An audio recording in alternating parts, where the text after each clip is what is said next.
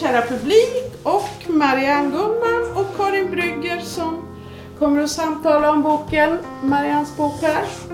Jag kommer inte säga något mer utan nu får ni prata. Okej. Välkomna! Ja, då säger jag faktiskt välkommen igen till dig Marianne eftersom du ger ut din bok på bokförlaget Korpan och jag har varit din redaktör. Uh, för de som inte känner till Marianne Goldman så är du dramatiker men du arbetar också som samtalsterapeut. Utöver manus till Freud flyttar hemifrån, den första svenska judiska spelfilmen, har du skrivit eh, monologer som Dansa samba med mig och pjäsen Cancerbalkongen som har spelats på teatrar i hela Norden. Du har skrivit för Stockholms stadsteater soppteaterscen. Um, uh, bland annat om Selma Lagerlöf och Sofie Elkan, uh, om Isak Grünewald och Sigrid Hjertén. Men Säg inte förlåt är din första roman som vi har fått äran att ge ut på Korpen. Uh, innan vi börjar det här samtalet, när jag kommer ställa frågor till dig, så ska jag läsa upp ett stycke ur romanen uh, som jag har valt uh, eftersom jag tycker det är viktigt. Svårast är att träffa människor. Antingen vet de inte och undrar säkert varför hon är lågmäld, dyster, korthuggen och otålig. Vill bara sitta en stund, bara prata en stund. Eller så vet de och är så ledsna och det är outhärdligt för henne att ta emot. Hon måste bära deras sorg som hon alltid gjort, den lilla överlevaren. Som när hon besökte ena systern, svågen och deras son häromdagen. Där satt de alla tre och såg så oerhört ledsna ut. Hon började underhålla, är duktig på det. Till och med om den medicinska utredningen och undersökningarna. Hon berättade kraftfullt och kärnfullt, för att få några skratt. De lyssnade artigt och utan att skratta. Trodde de att hon ska dö snart. Hon brukar ha det fint och kul med systersonen men nu såg han mest rädd ut. Vad hade systern sagt till honom egentligen? Systern är förstås ledsen och rädd och överför det på sonen. Mammas oväntade och plötsliga död i cancer. De kom aldrig över det. Deras sorgeknuta. John gjorde bort sig två gånger idag, konstaterar Simona. Han sa att de skulle knipsa bort tumören till någon i telefonen. Hon hörde det själv. Knipsa. Så litet och behändigt det lät, så mycket önsketänk. Man knipsar väl inte bort en tumör i lungan? Nej, man skär bort en bit av lungan i en stor operation på många timmar. Om det nu förhoppningsvis ändå blir en operation, läkaren hittade det sist att kanske, kanske. Så där har John alltid varit. Jassat sig lite lättsamt genom livet. Här i hennes värld knipsas det inte bort en tumör. Här skärs det bort under minst sex timmar och med nedsövning och hela läkarteam. Hon har tagit reda på det. Den andra fadäsen var att han sa att hon var självömkande. Utöver otroheten hade det varit det svåra. Självömkande? Hur kan en cancersjuk vara det? Är det möjligt? Kan man inte nog ömka sig själv med denna sjukdom? Ta hand om det som gått fel, begråta kroppsdelarna som negligerats, självet, jaget, själen, ömka sig till vanvett, hålla, vagga, trösta sig. Jag valde att läsa upp det här stycket eftersom jag tycker att det är naknare än många andra kapitel och stycken i boken. Här kommer man väldigt nära smärtan samtidigt som det finns en, en självironi. Det här är en bok som är full av humor eh, och som är rolig och vass. Och här återkallar hon ändå också sin tidigare identitet, en nedärvd överlevaridentitet som har präglat Simona som barn till flyktingar. Jag tycker också att det som, som jag fann väldigt intressant här är att den sjuka inte bara måste bära sin egen sjukdom utan även andras reaktioner. Så jag skulle vilja höra vad du har att säga om, säga, det blir väldigt generaliserande, men vårt, vårt förhållande till sjukdom uh, och skam. Det, fra, det återkommer ju i boken, är att cancer är fult. Den som drabbas av cancer är dum, står det på sidan 65 till exempel. Mm. Jag kommer att prata om Simon mm. då mm. utifrån, för att om jag pratar allmänt så ja. drunknar jag i ämnet. Så, och det finns också en anledning att man fiktionaliserar. Jag valde eh, att skriva en roman, att göra fiction. Det var väldigt medvetet. Eh, jag kanske ska prata lite om den processen Absolut. först. Därför att många som får cancer eh, skriver i dagboksform och sen så, eh, ja, så finns ju, det har kommit en, en uppsjö av, av väldigt mm. välskrivna böcker eh, om denna process i senaste året vill jag påstå. Vi kan räkna mm. upp sen. Men, men eh, för mig var det väldigt viktigt att göra, efter att jag hade skrivit av mig lite grann, jag fick alltså en diagnos 2014 och eh, först var det lite dagbok. väldigt snabbt bestämde jag mig för att skapa karaktärer. Mm. Och det, det var en överlevnad. Det var eh, för att jag har, kreativiteten har alltid varit min bästa vän. Så, och då vill jag ha roligt. Och eh, det blir en hämnd. Jag tror inte man förstår riktigt hur många, eh, vilken drivkraft det är när man blir sjuk. Att, att man vill hämnas, att man vill ta, man vill liksom, vad var det jag kallade det för, tolkningsföreträdet. Mm. Man vill, eh, jag har skrivit upp massa ord här kring detta. Eh, det är väldigt starkt, tror jag, för de allra flesta. Varför skriver man eh, när man är sjuk? Jo, för man vill inte att sjukdomen ska vinna. Man vill själv. Man vill, man vill ja, det är helt enkelt en överlevnad. Det finns andra ord för det. Vad var det du frågade? Ja, man vill inte drunkna nej, tänker nej. jag i, i sjukdomen utan få vara kvar som människa. Ja. ja jag frågade om, om varför vårt förhållande till sjukdom är så svårt. Alltså om det finns en Ja men då tittar jag just det. Så var, just det, Simon då. Ja. Just det. Då har hon alltså, eh, om vi tar Simon som jag skapade då. Eh, hon har eh, Eh, hon kommer från en familj där man helt enkelt inte var sjuk.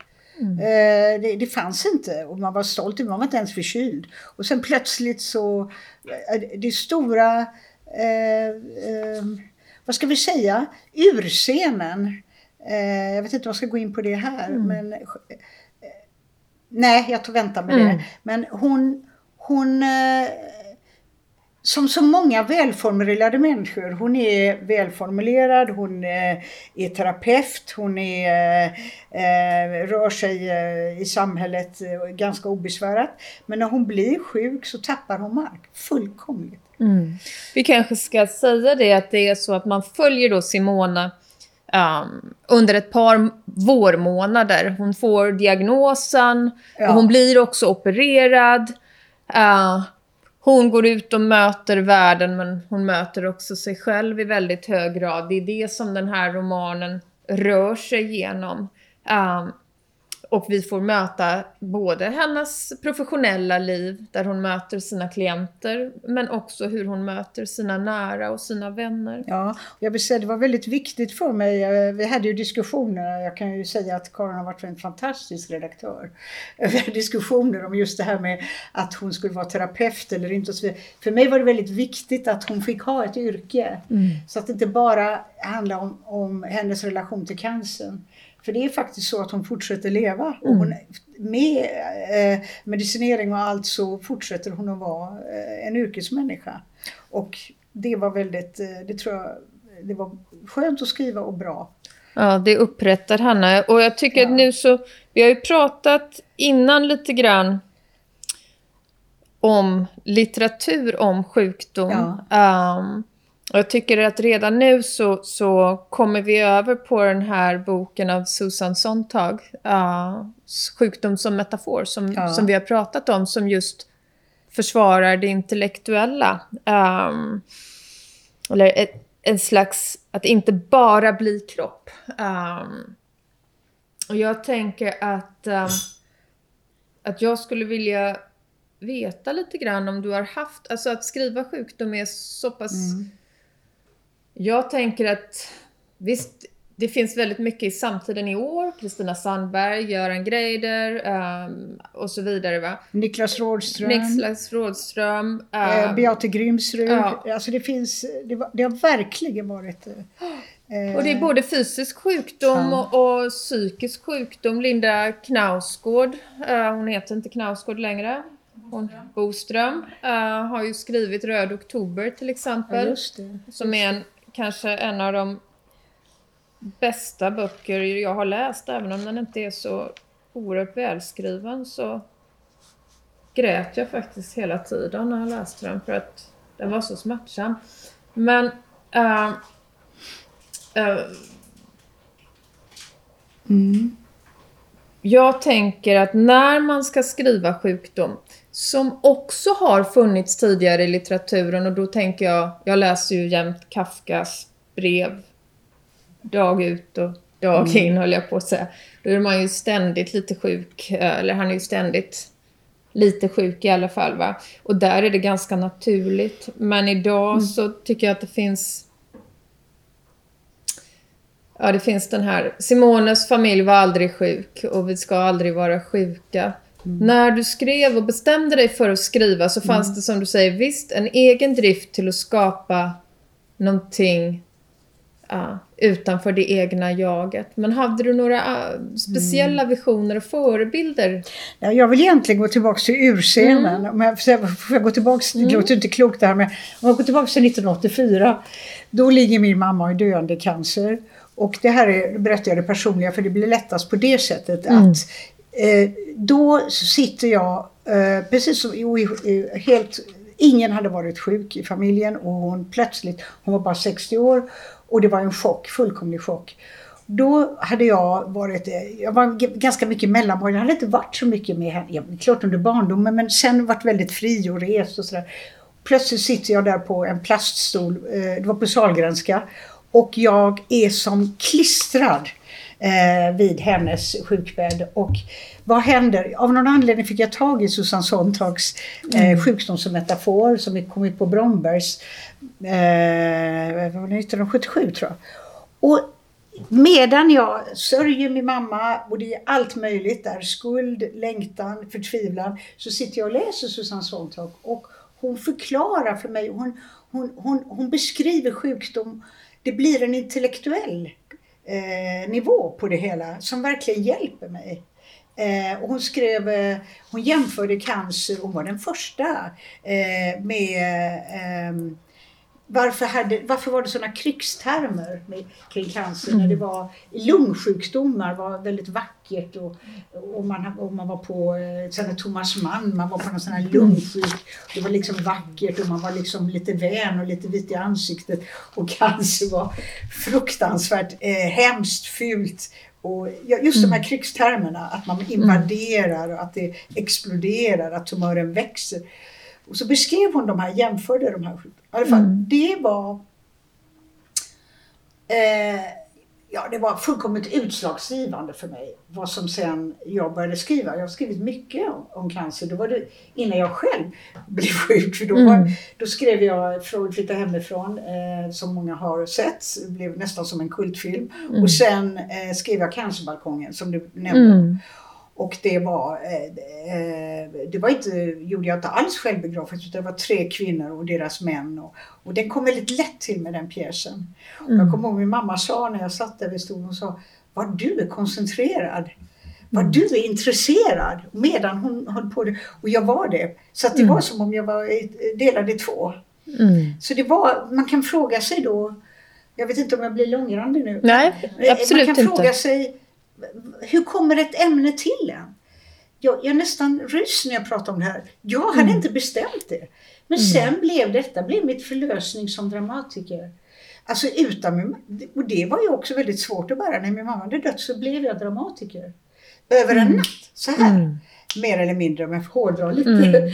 Så, så det, det var någonting med denna katastrof, med denna med existentiella, nej inte katastrof, existentiella smärta mm. som jag eh, kunde skapa ur.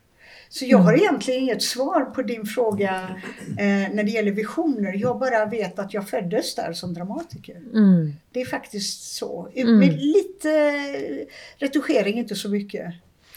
Nej, jag tänker att det, det är väldigt intressant som litteraturvetare att lyssna på dig, för jag tänker att um, alltså att döden eller dödens närhet, även om det då var din mammas död, den intensifierar ju livet väldigt, men, men vi måste också hantera det. Och alla de här olösliga konflikterna som vi har i livet, till exempel att ens mamma ska dö, vi kan ju inte hindra det. Det finns bara i, plats i, i konsten för att på något sätt lösa det. Um, vilket leder mig till att ett citat som jag tog fram uh, av Niklas Rådström. Där han säger att jag har alltid tänkt mig att en av konstens viktigaste uppgifter är just att rycka det levande ur dödens skugga för att låta det bestå ännu en stund i ljuset. Um, han drabbades av leukemi. Och han har ju skrivit själv, jag har inte läst hela boken, men jag tror att han har skrivit självbiografiskt. Men jag uppfattar ju att det finns en väldig... Alltså driften mot livet är större än döden. I sig inte förlåt. Um, att Simone är mån om att inte vara i dödens skugga. Nej, hon, hon slåss för sitt liv. Ja. Alltså det är verkligen, ja på liv och död på alla nivåer. Mm. Hon vill inte gå mammans öde till mötes. Nej. Hon vill inte, hon hade sett det, hon vill inte. Och eh, tur, eh, eller så, så överlever hon ju och klarar det. Eh, jag vill inte trassla in med diagnoser, men alltså Mm. en enorm vrede och kraft att man ska besegra det här tillståndet. Det är helt otroligt faktiskt. Mm. Och det eh, Men sen, jag vill ändå fortsätta prata lite grann Mm. om hur jag byggde boken. För sen så tänkte jag så här, jag hade liksom skrivit, jag vill absolut inte skriva en bok där kvinnan är offer och går och, och gråter, eller det gör hon ändå liksom. Men det var inte det jag ville, utan jag skapade relationerna. Relationerna, och då, eh, jag hade samtal med en kollega som eh, var väldigt intensiva, eh, var långt innan du kom in. Mm. Just att detta med mannen, vad hände med mannen? Så det, var, det är en relationsroman. Kan man säga, eller hur? Absolut. Lika mycket som att det handlar om cancer. Det är relation till dottern, relation till mannen, relation till väninnan, bästa väninnan. Och i dödens närhet, eller i diagnos, jag ska inte säga dödens närhet, i diagnoshelvetet. Mm. Ja, men precis. Jag, jag tog upp det citatet också för att i den här berättelsen om Simona så finns det ju också en otrohetsberättelse som, som, som är Simons egen kärleksaffär med en annan man. Men det finns också en, ehm, en protest eller ett försök att inte återupprepa mammans död. För mamman sa där att hon, hade, att hon ångrade att hon aldrig hade varit otrogen sin man. Så vad gör Nej, hon, Simone? nej, hon sa så här, jag var inte stolt över att jag inte var otrogen. nej. Det, var, det är ingenting, jag har inte varit otrogen. Nej, hon sa så här, jag har inte varit otrogen och det är jag inte speciellt Så stolt, stolt över. Nej. Så alltså passar Simone på att se till att förverkliga mammans otrohet. Och Simone är på en ensam plats. Men hon har alltid varit liv, ensam. ja. Hon har alltid varit ensam. Men hos den här Eirik så upplever jag ändå att hon blir mottagen. Ah, och jag tänker att den här otrohetsberättelsen handlar om att vilja leva. Ah, alltså en sexuell relation som om man ska göra det väldigt enkelt att vara människa så vill vi inte dö och vi vill fortplanta oss. eh, och, eller vi vill i alla fall ha en sexuell relation så att vi känner oss levande. Uh, Men får jag säga en sak, det mm. ett, ett trots hos mig också, författaren. Ja, ja. Att jag känner mig trotsig för att jag att jag ville trotsa den här bilden av, nu kommer vi till en kärngrej, jag ville trotsa bilden av att lidandet förädlar. Ja. Alltså det hela det här att man blir sjuk och man blir en fin människa och man, ja, ja allt det där, nej! Så mm. är det inte. Nej. Och det hade jag också sett, jag har varit väldigt mycket eh, Innan jag, innan jag själv fick diagnosen det, så var jag väldigt mycket eh, skrivledare för eh, kvinnor som hade bröstcancer. Och det var för att Amazonas var precis bredvid var jag bor i Stockholm och jag tyckte om att vara där och mm. vi, det var väldigt intensiva eh, skrivarworkshops jag hade med dem. Och då mm. fick man ju reda på massa saker. De var ju helt vilda och galna de här kvinnorna. Fast inte en enda ädel människa är den. Är det, det kan jag bara eh, mm. lova. Så att det blir väldigt... Eh, att, jag tror att det också är att egentligen nu när jag får kontakt med och pratar om det här. Det är ett, ett djupt trots hos mig att man ska bli fin. Att man som mm. kvinna mm. ska väl liksom ta emot lidandet och eh, eh ja, i filmhistorien vet man ju att kvinnor dör hela tiden. Mm. Och det var, nej, så det, ja, det är det. Ett trots och en vilja, en överlevnad. Mm. I denna lust. Ja, det, trotset tycker jag är spännande. Det här trotset mot, uh, mot det förädlande uh, lidandet. Det, det har väl hon också med sig från sin, uh, från sin familjehistoria. Tanken på att det här att lidandet inte förädlar. Hon är ju ganska... Eh, ska man säga, hon har det ju inte lätt med sin egen familjehistoria där mammans lidande... Nej, mammans lidande har, och det, det har varit tungt. Mm. Eh, som, fast som mamman inte har levt ut egentligen. Eh, utan hon har, hon har tagit på sig mammas liv. Mamman har också varit med om förintelsen. Det är lite vagt mm. uttryckt, det jag gick inte in i det så mycket. Men hon har varit med om förintelsen och en, eh, en, en, eh, mamman har egentligen varit, eh, tror jag, en ganska, det här är inte självbegravelse. Utan jag, tagit, jag, jag växte upp i Göteborg med många ja, jag berättar det på ett sätt och inte... Alltså, Nej, det är ganska nedtonat. Ja, ja mm. eh, eh, men eh, hon har upplevt det, det outsagda har Simone upplevt som väldigt tungt av mammans lidande. Mm. Och burit det. Och när hon själv får någon typ av dödsdom eller inte, när det är så vill hon absolut inte gå in i detta. Nej. Nej. Så att det är, man kan säga att hon känner av sin livskraft när hon faktiskt får en diagnos. Det kan man ju också tycka är en sorg. Eh, jag kan tycka att boken är sorglig faktiskt också. Men alla säger att hon är så arg, men jag kan tycka att, att det är sorgligt att eh, eh, man upplever livet så starkt där man är rädd att man ska dö. Att det, är liksom mm. det som krävs. Det kan jag ty mm. personligen tycka är mm. sorgligt. Om jag får säga att ta lite distans till den här personen. Ja, ja visst. Jag kan också, ja. bara för att Simone är ganska rolig och dråplig och ganska, ganska arg och lite hård så betyder det ju inte att den, den största känslan jag ändå får av den här karaktären är ju att man får lust att, att, att, att krama henne. Därför att hennes dråplighet är också ett sätt att... Ja. Hon håller ju eh, smärtan ifrån sig. Det var därför jag valde det stycket i början. Ja, jag skulle det. faktiskt vilja stanna vid, vid den här otrohetsaffären för att jag tycker också att det är... Uh, Simone är ju inte 20 hon är lite äldre. Uh, och uh, det. det. finns återkommande uh, sexscener som jag tycker är...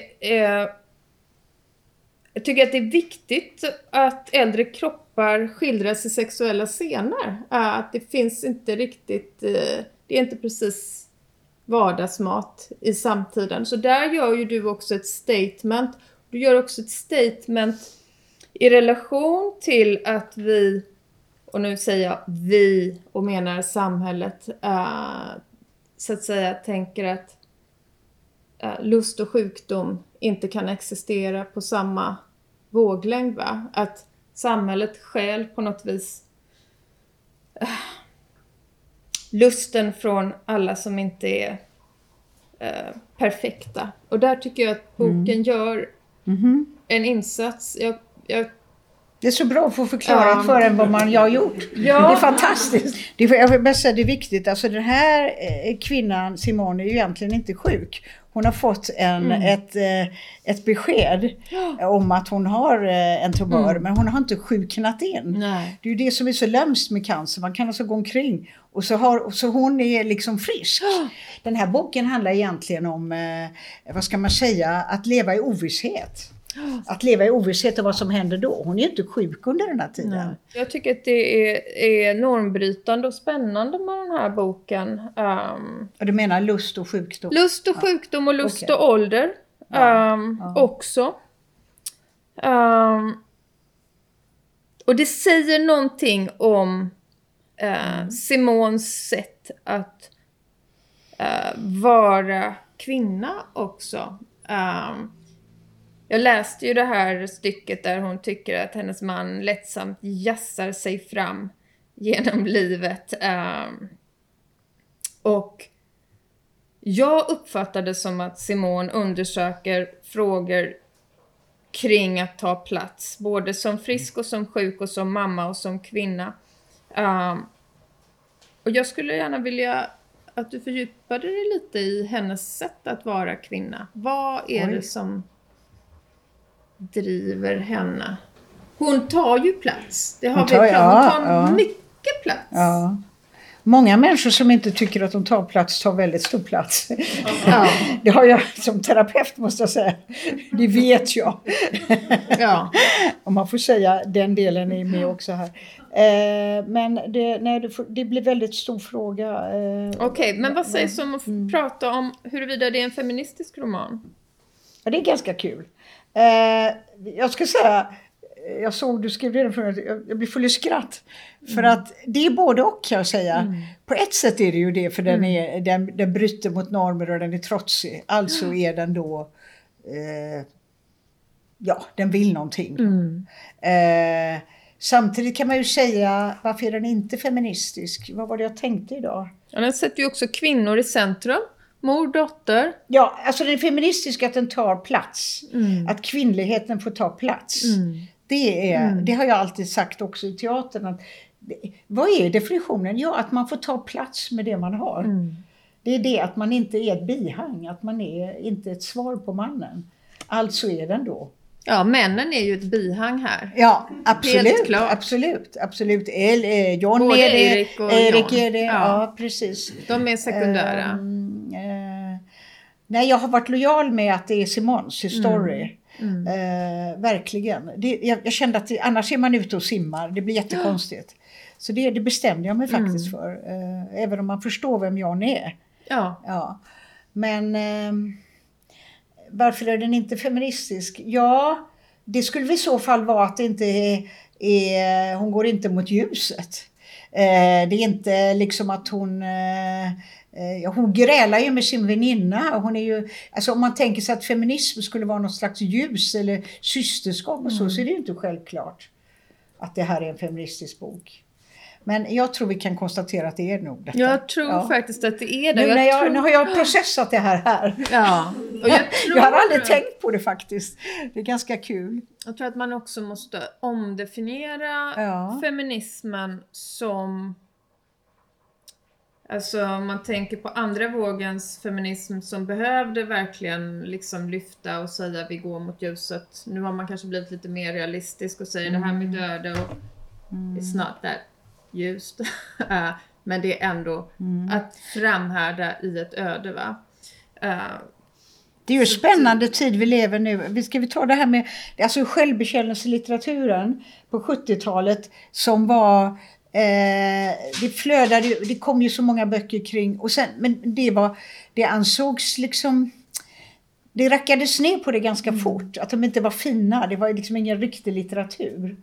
Eh, och eh, sen blev kvinnorna lite tysta tror jag, 80-talet. Då var det Horace Engdahl och poststrukturalismen. Man skulle inte vara personlig. Eh, jag vet inte, ni får säga emot mig om jag hårdrar nu historien, men sen nu liksom det är någon, sen, ja det blev en backlash men nu har det kommit igen kanske försök att faktiskt återta kroppen.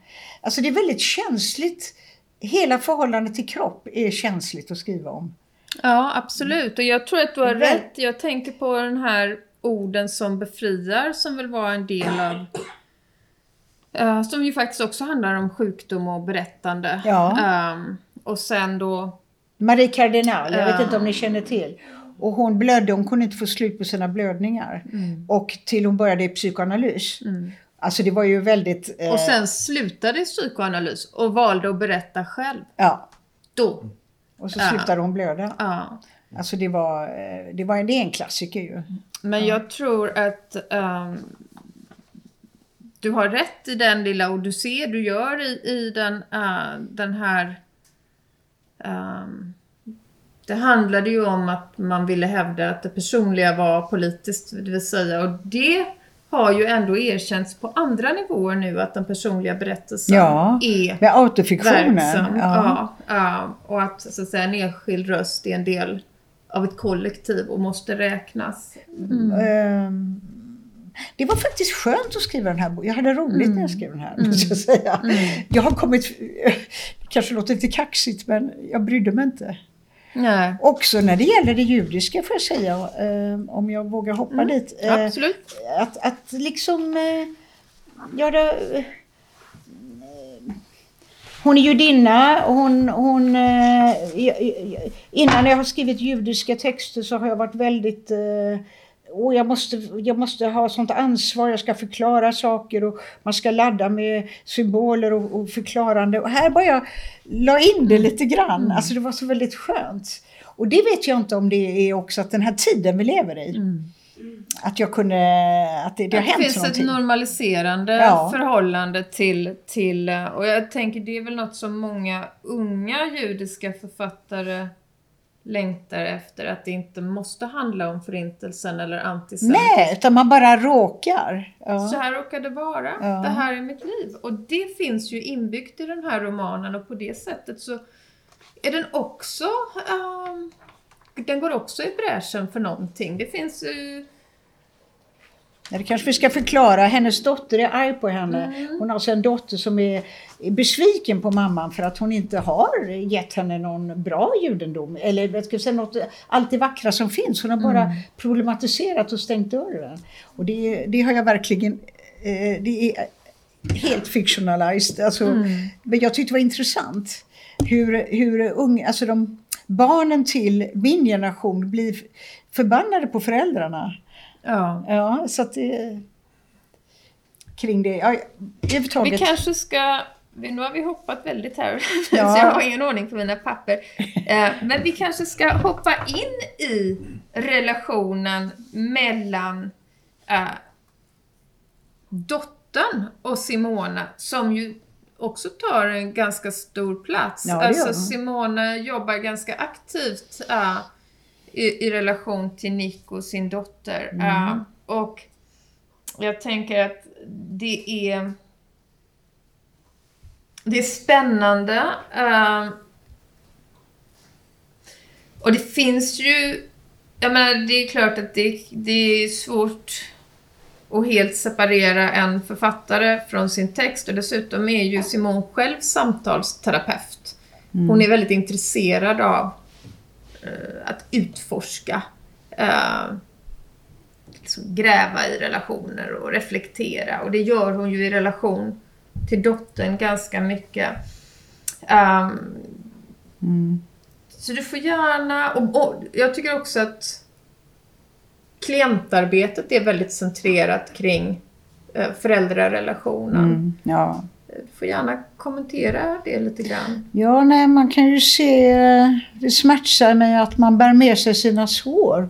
Eh, Simone kan tyckas hård mot sin dotter. Hon vill, dottern vill plötsligt komma nära henne på ett sätt. Hon har varit mycket pappas dotter. Och så plötsligt och får på att mamman är sjuk så vill hon i stort sett sitta i hennes knä. Och Simone håller, eh, och det var väldigt svårt för mig att skriva mm. det här för jag är inte sån själv.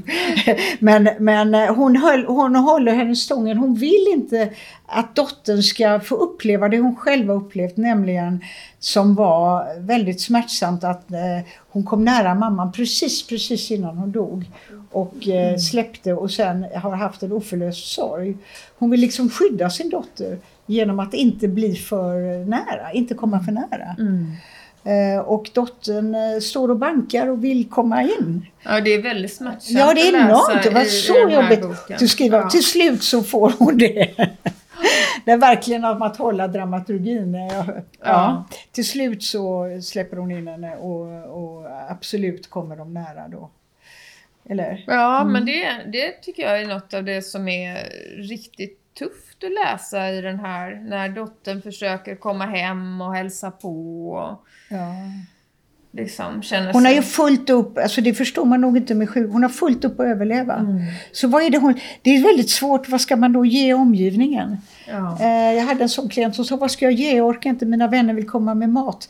Jag har ingen, mm. jag, hon sa så här, jag vill inte att de kommer med mat, jag kan inte ens vara tacksam. Nej. Jag har ingen matlust. Och så ska hon vara trevlig mot sina vänner. Det är väldigt, eh, jag, det finns ingen lösning på det här, jag ville bara skildra ja. det. Ja, och det är väl precis det som är lösningen, att skildra det. Ja. Eftersom det inte finns någon lösning, därför blir det litteratur. Men apropå vänner där så kanske du skulle för att om vi återkommer då till att, till att det faktiskt är en bok om kvinnor. Ja, så finns det. det en intressant scen mellan Simone och hennes väninna som också illustrerar någonting kring sjukdom. Um, Vad sa du? Det illustrerar uh, sjukdom mm. och en slags dialog eller icke-dialog. Ska jag läsa? Mm. Simon ringer upp väninnan Frida som hon helt försummat den senaste tiden. Men Frida är snabbt förlåtande och redo. Simon har verkligen ställt upp för Frida genom åren och nu tänker väninnan ge järnet. När de ses några dagar senare har Frida tänkt ut allt i detalj. Eh, middag på pratvänligt ställe och därtill har hon köpt teaterbiljetter till en lättsam men ändå skarp pjäs. Precis i Simons smak. Men där de sitter emot varandra vill väninnegemenskapen inte riktigt infinna sig. Ja, mer än så. Kvällen känns redan halvvägs in i middagen som en enda stor ansträngning där Simon kämpar för att svara upp emot Fridas inpass och tankar som hon alltid varit road av.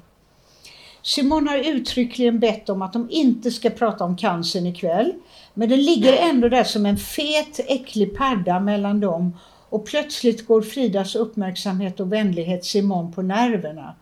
Jag behöver lite luft, säger Simon och reser sig plötsligt upp. Frida stirrar på den vackra sorbet-efterrätten i hallonrosa och mangogult som precis placerats på bordet av kyparen men mumlar eh, förstående visst, visst. Där sitter hon och slevar i sig bådas portioner medan Simon tagit sig ut ur restaurangen står lutad mot husväggen och fumlar efter kartan med Atarax. Pjäsen är halvdålig men Simon tycker ändå det är vilsamt att sitta där och inte behöva leverera. Eller är det tabletten som börjar verka? Fast i pausen på teatern skär det sig rejält. Det är när Frida får för sig att Simon inte orkar stå upp och sätter fram en stol. Tror du inte jag kan stå på mina ben, snäser Simon. Förlåt, förlåt, jag tänkte bara att du kanske var lite trött. Varför ska jag vara så förbannat trött? Vi har suttit oss igenom första akten på en pjäs och nu är det paus. Och då behöver jag väl inte sitta ner igen. Jag är inte sjuk än, jag är inte döende än. Tids nog, tids nog. Förlåt, jag vet. Du tyckte pjäsen är dålig dessutom, eller hur? säger Frida. Det har jag väl inte sagt. Förlåt. Säg inte förlåt hela tiden. hela tiden, känns det så? Nu överdriver du väl ändå? Frida ser förtvivlad och villrådig ut och plötsligt står Simon inte ut med hennes närhet överhuvudtaget. Springer iväg och ut från teatern och Frida efter. Vilsna och överslätande småpratande så åker de hem med T-banan. Mumlar ett adjö när de går av i samma station men mot varsin uppgång. Simon tittar efter Frida. Småspringer hon inte som om hon vill bli fri henne? Inte svårt att förstå. Vem är hon nu för Frida? En väninna med en tumör i lungan och misstänkta metastaser. Okej. Okay. Mm. Ja. Ja. Frida har det inte så lätt hon heller. Får man väl säga. Verkligen. Uh, och jag funderar på vad det är som händer i den här scenen. Och då tänker jag att det handlar om att vi kommer tillbaka till den här rädslan kring sjukdom. Frida är rädd. Simone är inte rädd. Men Frida vet inte vad hon ska göra. Det finns en hjälplöshet inför, inför döden och inför uh, ödet. Um, och att det handlar om oförmåga. Oförmåga att hantera sjukdom. Ja, och det måste ändå ha varit något som du har varit upptagen av ända sedan cancer, ja, ända sedan den här urscenen. Urscenen, ja. Att, Vi talar om... Ja. Eh, det är ju det är många, det är många år. Ja, eh, oförmåga men också det, alltså, det är som, det är, det är människor, relation, relationer mm. mellan människor i en, i en uh, situation som är laddad. Mm. Du, du, får inte glömma att jag är dramatiker. Nej, det är väldigt spännande. Ja. det är också lite... Det märkte vi ja, när du skrev och att det är konflikt. konflikt ja. eh, mm. att, att, att man dras till konflikten. Och mm. när rollerna, när rollerna mm. eh, eh, byts om. Byts där. om, ja just det. Simon har alltid varit den trygga och så är, vad händer då? Ja, ja då det pallar inte Frida helt enkelt. Nej, hon uh. försöker, hon kämpar men det är ju inte heller lätt. Nej. Eh, eh, det tycker jag också att hon, eh, flera har beskrivit när de får cancer. Alltså det är inte heller lätt. Därför att den mm. som är sjuk är så upptagen med att mm. överleva. Mm. Så det är en svår relation. Ja, ja visst. Eh, Simone är ju uppslukad av sitt jag och, och, sina känslor i den här romanen. Och tänkte jag igen att det skulle återvända till Susan Sontag som menar att, att skriva om sjukdom är ett sätt att gå i dialog med sjukdomen. Och som då menar att själva skrivandet är en, en, en transformativ akt. Sen tog du upp att Lars Norén, han trodde att det hade en konserverande effekt. Vi behåller vår smärta. Och så la jag till ett som har sysslat väldigt mycket med det som vi kallar för life writing. Att man Life writing? Ja, mm. alltså som akademiskt fält. Att man inte kan vara riktigt säker på, och det var intressant när du sa, jag skrev om cancer redan innan jag liksom drabbades av cancer, så började jag undersöka det här. Um, um, alltså att vi, vi um, vi sysslar hela tiden med till exempel döden eller någonting. Va? Vi, vi fortsätter slå in på någon bana. Uh, men jag skulle vilja veta hur du ställer dig till de här motsatsförhållandena. Norén som, som den eh, konserverande och Sontag som den transformativa. Mm skribenten. Alltså ja. dialogerna ser ju, de har ju helt motsatta förhållandesätt. Ja, nu, man hårdrar det men jag, jag, mm. jag tycker det, det, är väldigt intressant det här eh, om vi glömmer liksom Norén hela diskussionen kring skrivande överhuvudtaget. Mm. Eh, eh, det är ju så, alla vill ju skriva en bok idag. Mm. Eh, jag menar verkligen, du nickar tack. och, liksom, och folk säger eh, på skrivargrupper och skrivarkurser, åh jag vill skriva av mig. Mm. Alltså det finns en sån här känsla att man ska skriva av sig. Eh, men jag, om jag får citera Maslow, för jag skrev faktiskt en uppsats det här i min terapiutbildning, att det finns primär kreativitet, det är att man skriver av sig och det är skönt och det är bra och det är rehab. Men sen om man ska jobba som författare, då skriver man in sig. Och det är det Lars Norén menar lite, jag får försvara det ändå. Alltså att, Ja, Jag tror absolut Det- det för att då- Norén då- har rätt ja. på många sätt. Man, Ja, man håller håller- fast vid ja. sitt eget jäkla trauma och skriver det tusen gånger ja, man förädlar det. Man förädlar det. Mm. Så, eh, eh, och det är också intressant. Ja, alltså jag tror inte att man skriver liksom för att bli av med... Alltså man skriver kanske för att bli fri från sig själv till viss del. Men om man tittar på de flesta författare så sysslar de med samma sak. De bara maskerar det på olika sätt. Man kan alltså... Bästa exemplet är väl Joyce Carol Oates. Ja, Det Vad är skriver hon alltid en om? ensam flicka. ja. Hon är alltid nästan liten och mager. Eh, undantaget när hon är Marilyn Monroe. Då är hon inte det. ja. Men det är samma konflikt. Jag har läst alla hennes romaner tusen gånger.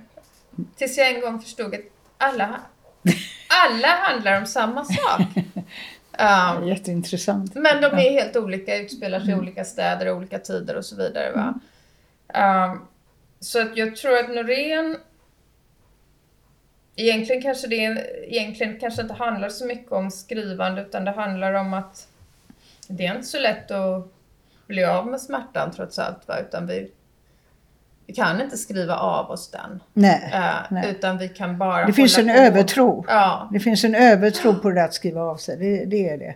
Men för mig är skrivandet ett sätt att... Jag brukar tänka att det är ett sätt att göra det som är smärtsamt till någonting som är... En roman behöver inte vara vacker, men det är i alla fall en produkt. Abs- eh, Absolut, jag håller med dig helt. och att- Helt. Och att där, när jag kan liksom Ja. se det, det här, jag kan till och med, åh, jag skriver det här hemska, tråkiga som hände och så skriver jag ändå med det, med fina ord, så tänker jag, åh så bra det blev. Exakt, Ja, men du kunde ja. jag kunde sagt det bättre Ja. själv. Och det är precis, hon återtar, Ja. hon återtar, eh, eh, det, det, det är därför det är så underbart med skrivandet. Därför att det handlar, man bemästrar ångesten, okej, man hittar ett lekrum, man säger lekrum eh, lite så, eh, ett kreativt rum. Men sen så gäller det att te- texten ska bli bra. Mm. Och det är ju fantastiskt när det blir bra, då har man ju på något sätt fått en revenge, vad heter det, hämnd, alltså man, Mm, det det, blir ett smycke, det är kontroll. Det är kontroll. Ja men det är upprepningstvång och kontroll. Ja, och det är precis så. Jag, Där är vi ja. verkligen ense. Men jag tänkte just att, att sk- skriva den här boken till skillnad från att skriva Cancerbalkongen till exempel. Vad, vad var den stora skillnaden? Ja, oj, ja, det var en intressant fråga. Ja, det är ju en mognare människa. Hopefully. Eh, det har förädlat lite. Cancerbalkongen var ju som en ett stor eh, eh, det var ju den första eh, cancerpjäsen i Sverige. Den gick, och det var en, det, sen har det kommit flera eh, olika, men, men, det kan du kanske, men, men, men det var ju, den skrev jag snabbt och den, den, ja, den var banbrytande. För att den tog, följde de här människorna, tre kvinnor och deras män, och besökarna och anhöriga, den tog upp det på scenen. Eh, här hade jag ju inte en agenda på det sättet. Nej. Det var inte alls det. Utan eh, det var att, att skildra, ja en sak jag också vill, jag ville skildra relationer. Jag ville skildra relationer i, under en speciell period. Och det tycker jag då med John och med dottern. Och ehm, eh, det också, det var någon som sa på Babel, någon engelsk författare, att äktenskapet, de har varit gifta länge. Mm. Eh, och så tänkte jag så här, det är intressant också att skildra ett äktenskap. Det, det är antingen så skiljs man eller så det är alltid så dramatiskt. Det här är ett äktenskap som upplever någonting. De har varit gifta länge. Eh, hur skildrar man ett äktenskap? Det är inte nattsvart och det är inte fantastiskt. Hur gör man det? Det tyckte jag var en Ja. utmaning. Och det tycker jag faktiskt, jag tror faktiskt jag har lyckats.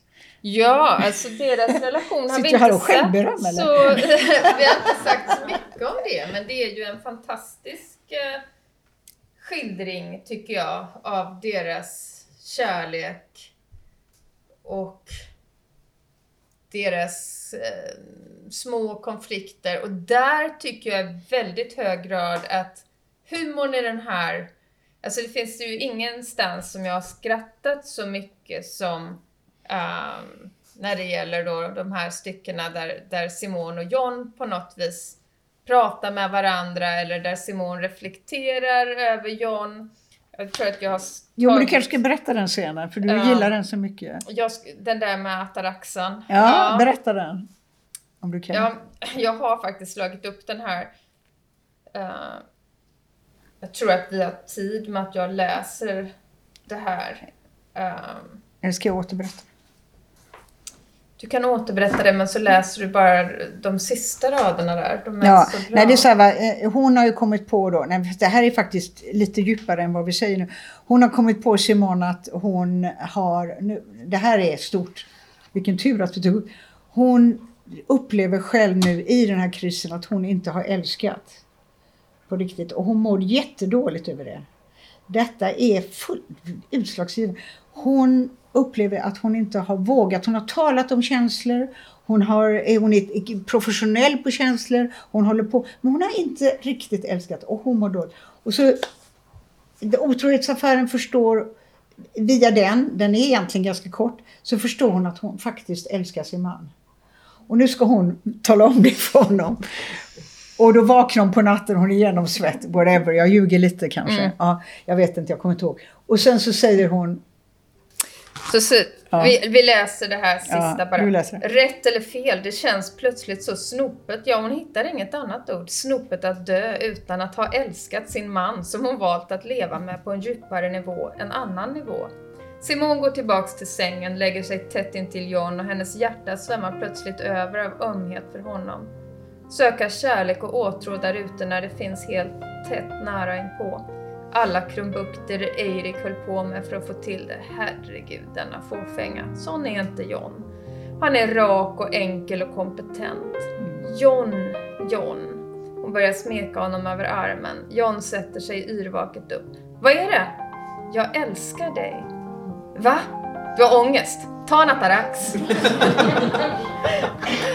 Ja, men då tackar vi. Ja.